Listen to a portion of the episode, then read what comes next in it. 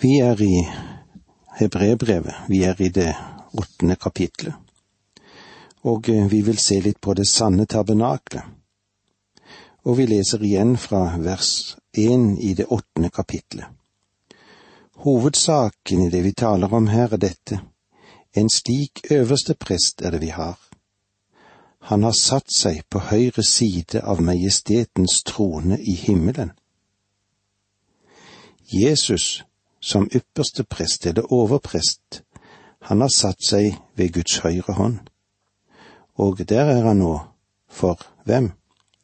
For vår skyld, for din og min skyld er han der.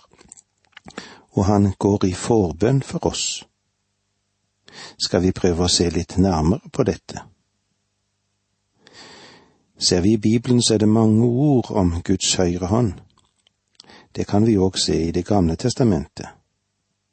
Og nå har jeg lyst til å ta med noen ord her ut. Fra de skal vi prøve å finne hva som ligger i dette uttrykket Guds høyre hånd. Og så er spørsmålet hvilken verdi dette har for oss, at Jesus sitter der for vår skyld. La oss ta med noen bibelvers fra Det gamle testamentet. Og da går vi til annen Mosebok i det femte kapitlet og i det sjette vers. Din høyre hånd, Herre, er herlig i sin kraft.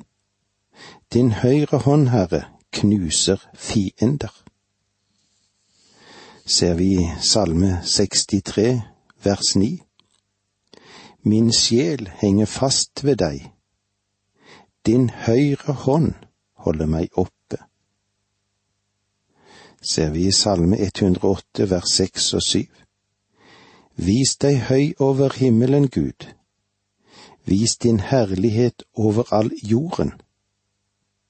Hjelp med din høyre hånd og bønnhør oss, for at de du elsker må bli frelst.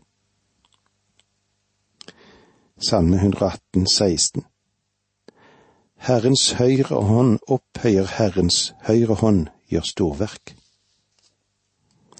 Salme 110, vers 1 og 5 av David en salme.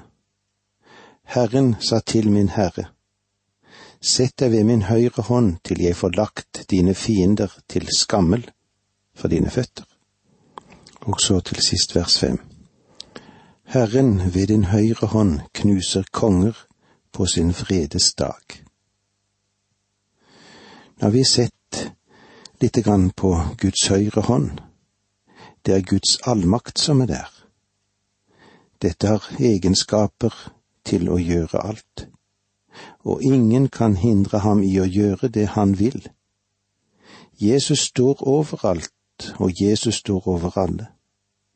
Ingen kan sette stengsel for hans vilje og for hans makt. Han knuser fiender. Han gjør storverk. Han knuser konger. Og han holder oss oppe. Det er det som er allmakten. Det er all makt. Merk deg at han sier han har fått all makt. Som Guds sønn hadde han all makt sammen med Faderen fra evige tider. Men som menneskesønn, som har fullbyrdet all rettferdighet og nå sitter som vår representant, som vår mann, ved Guds høyre hånd, som menneskesønnen har han fått all makt etter at han sto opp fra de døde, han sto opp fra graven, han er levende. Og i all denne allmakten, og med hele sitt frelsesverk fullført for oss, står han nå i selve himmelen, og så trer han fram for Gud, for hvem? Han trer frem for din og min skyld. Jeg kan ikke si så mye om dette, det ligger langt utenfor det jeg makter å få sagt. Men jeg vil be den enkelte av dere å la tanke og tro stanse ved dette som har hendt oss da Jesus steg frem for Guds ansikt i selve himmelen, og han er der for vår skyld. Alt det han var, og alt det han gjorde, og alt det han er i seg selv og i sitt eget verk, hvem er det? Det er vårt. Han er der for oss. Han er der for vår skyld.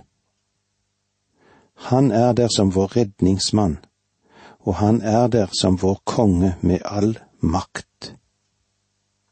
Han er der for din skyld. Jeg vil òg ta med noe fra Det nye testamentet om Han som sitter ved Guds trone.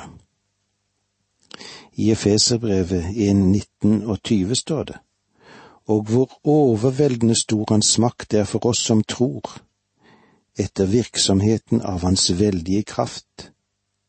Det var denne han viste på Kristus da han reiste han opp fra de døde og satte ham ved sin høyre hånd i himmelen. Eller om vi går til første Peter 3, 22. Han som er faret opp til himmelen og er ved Guds høyre hånd, hvor engler og myndigheter og makter er ham underlagt. Romerbrevet 8, 34. Hvem er den som fordømmer? Kristus er den som er død, ja, mer enn det, som også er oppstått, og som også er ved Guds høyre hånd, som også går i forbønn for oss. Og eh, la oss se i Apostelens gjerninger 7, 56 og 57.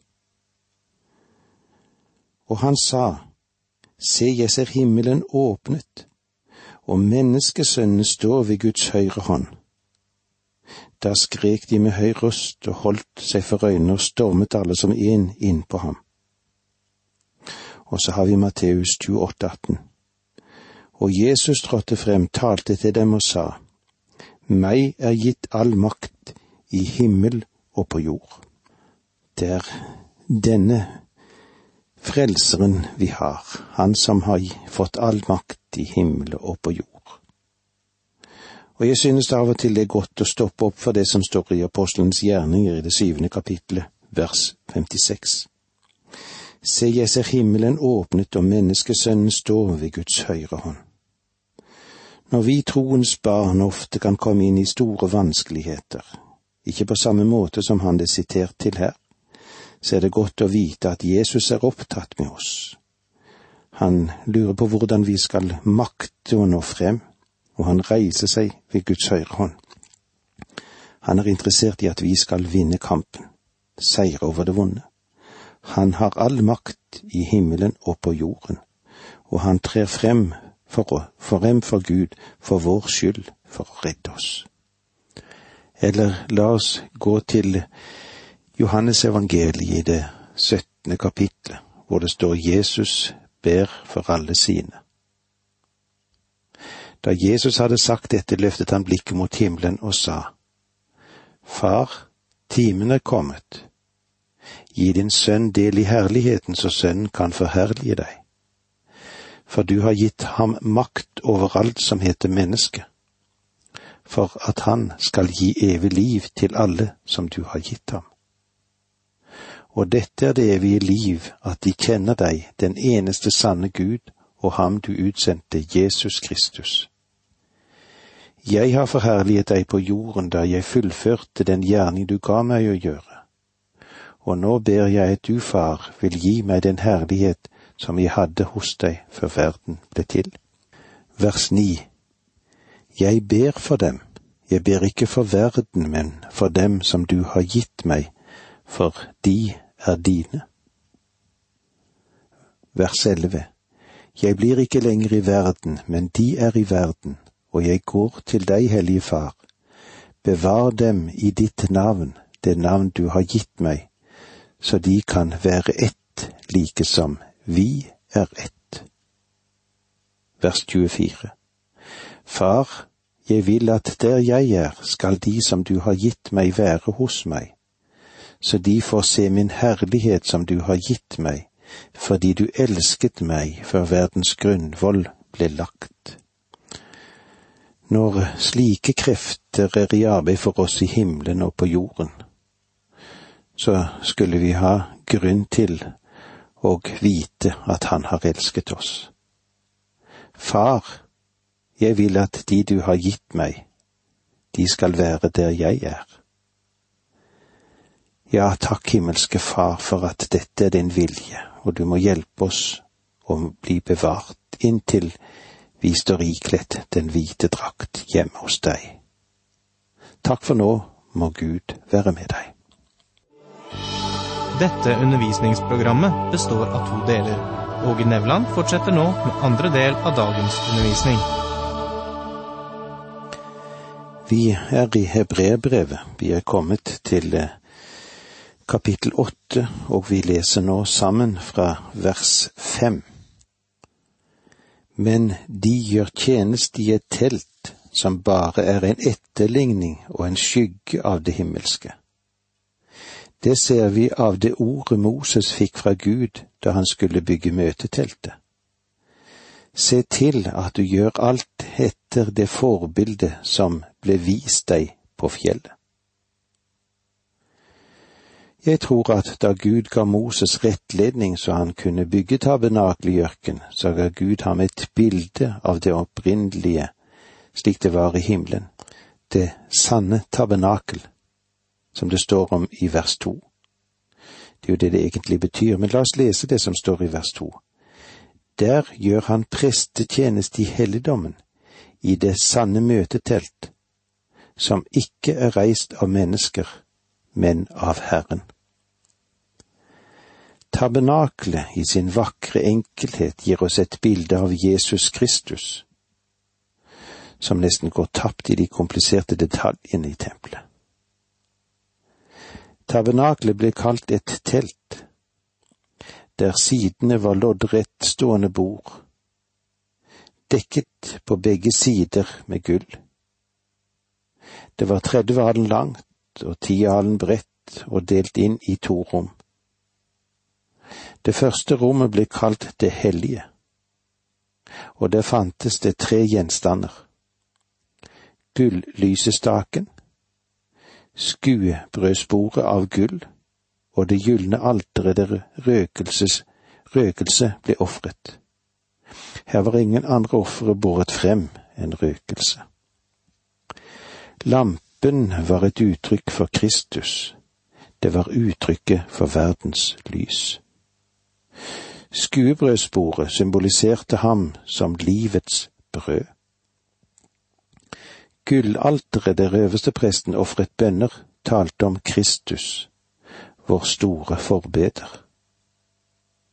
Og så på den store forsoningsdagen gikk øverstepresten gjennom det forhenget som skilte det fra det hellige ifra det aller helligste, og så sto det to gjenstander der. En paktsarken, en kiste laget av tre, dekket med gull på innsiden og på utsiden og i det lå, det ti, lå de ti bud skrevet på steintavler. En krukke med manna og Arons stav som blomstret. De ti bud taler om at den Herre Jesus Kristus kom for å fullbyrde loven, og han er den eneste som holdt den med ned til den minste detalj. Deretter taler krukken om manna om at han er livets brød, også i dag. Arons stav som blomstret taler om Kristi oppstandelse. Det andre som vi kan legge merke til her, er at paktsarken var dekket av et rikt ornamentlokk kalt nådestolen. Hvelvet over det var av to kjeruber i hamret gull. En gang om året stenket øverstepresten blod på nådestolen, og det var det som gjorde den til en nådestol, et nådesete. Det var på dette sted der Gud møtte israelsfolket. Rundt tabernaklet var det en forgård innrammet av et gjerde av lintøy, og denne forgården var 100 alen lang og 50 alen bred. I denne forgården er det to gjenstander. Det første var kobberalteret der ofrene ble brakt. Her ble syndespørsmålet avgjort. Men siden de hellige fremdeles synder, så var det også et renselseskar der prestene kunne vaske seg, og det var et symbolsk uttrykk for renselse fra synd. Det helligste var det sted der prestene tjente, og der de tilba. Vi tilber Gud når vi ber, tar til oss av Hans ord, og vandrer i Hans ånds lys, det vil si i lydighet mot ham. Ingen utenom øverstepresten, og han hadde bare adgang én gang om året, gikk inn i det neste avlukket, inn i det aller helligste. Men da den Herre Jesus døde, ble dette forhenget drevet i to, fra øverst til nederst, og uttrykte at han for alltid hadde åpnet veien inn til det aller helligste og Guds nærvær. Og vi kan nesten si at den Herre Jesus tok tabernaklet, som var satt horisontalt, og reiste det vertikalt fra jorden slik det aller helligste nå er i himmelen, fordi det er der han er. Og eh, så vil vi se i det følgende kapitlet at gullalteret med røkelse sammen med paktsarken nå er i himmelen. De er der fordi Kristus selv er der. Om du hadde vært med i ørkenen sammen med Israel, så ville du ha møtt tabernaklet midt i leiren, med teltene til de forskjellige stammene satt opp rundt det. Du ville ha sett røyksøylen over tabernaklet om dagen og ildsøylen om natten. Du ville ha sett prestene løpe til og fra når de gjorde sin offertjeneste og tok hånd om alle de ritualene som Gud hadde forordnet. Alt dette var bare en skygge av virkeligheten. Selve virkeligheten befant seg i himmelen. Og i dag er Jesus der i det himmelske tabernaklet og fungerer på vegne av deg og meg. Kanskje noen nå vil si, du sa at når vi kommer til denne delen av brevet, så vil vi få litt kraftig kost. Det virker på som om fremdeles drikker melk. Fordi det vi har sett så langt synes å være ganske enkelt. Når pløyer du noe dypere? Vel, nå er de margfulle rettene klare, og jeg setter disse frem for dere. Og eh, jeg har lyst til å gjøre dette i form av et personlig spørsmål. Er Kristus virkelig for deg i dette øyeblikk? Hvis du fremdeles lar deg avspise med et ritual og har en hyggelig og vakker liten helligdom der du går til og nyter din behagelige gudstjeneste, det er ikke noe feil med det. Du må ikke misforstå meg. Men om du tror at dette er tilbedelse, og om du tror at du tjener Gud bare gjennom din aktivitet, så har jeg nyheter til deg. Han forsøker å fortelle deg at Jesus finnes i himmelen akkurat nå i dette øyeblikk. Og så er spørsmålet, hva betyr egentlig dette for deg? Kom nå og svelg dette som forfatteren har for deg. La nå gryter og panner stå, Martha. Du behøver ikke å styre med dem akkurat nå. La oss sette oss ned ved Jesu føtter. La ham få bli en realitet i våre liv. Om du forlot hjemmet ditt i dag, var han med deg da? Var du deg bevisst å være i hans nærhet? Han er i din nærhet, selv om han er i himmelen for å tjene deg. Kristus er din forbeder. Du skal få lov å gå til ham for å bekjenne din synd. Hvorfor betror du deg bare til andre mennesker og sjelden til Jesus? Er ikke Jesus virkelig for deg? Slutt med å opptre som et barn. Nå må du vokse kom inn for den levende Frelsers åsyn. Det er det forfatteren taler om nå.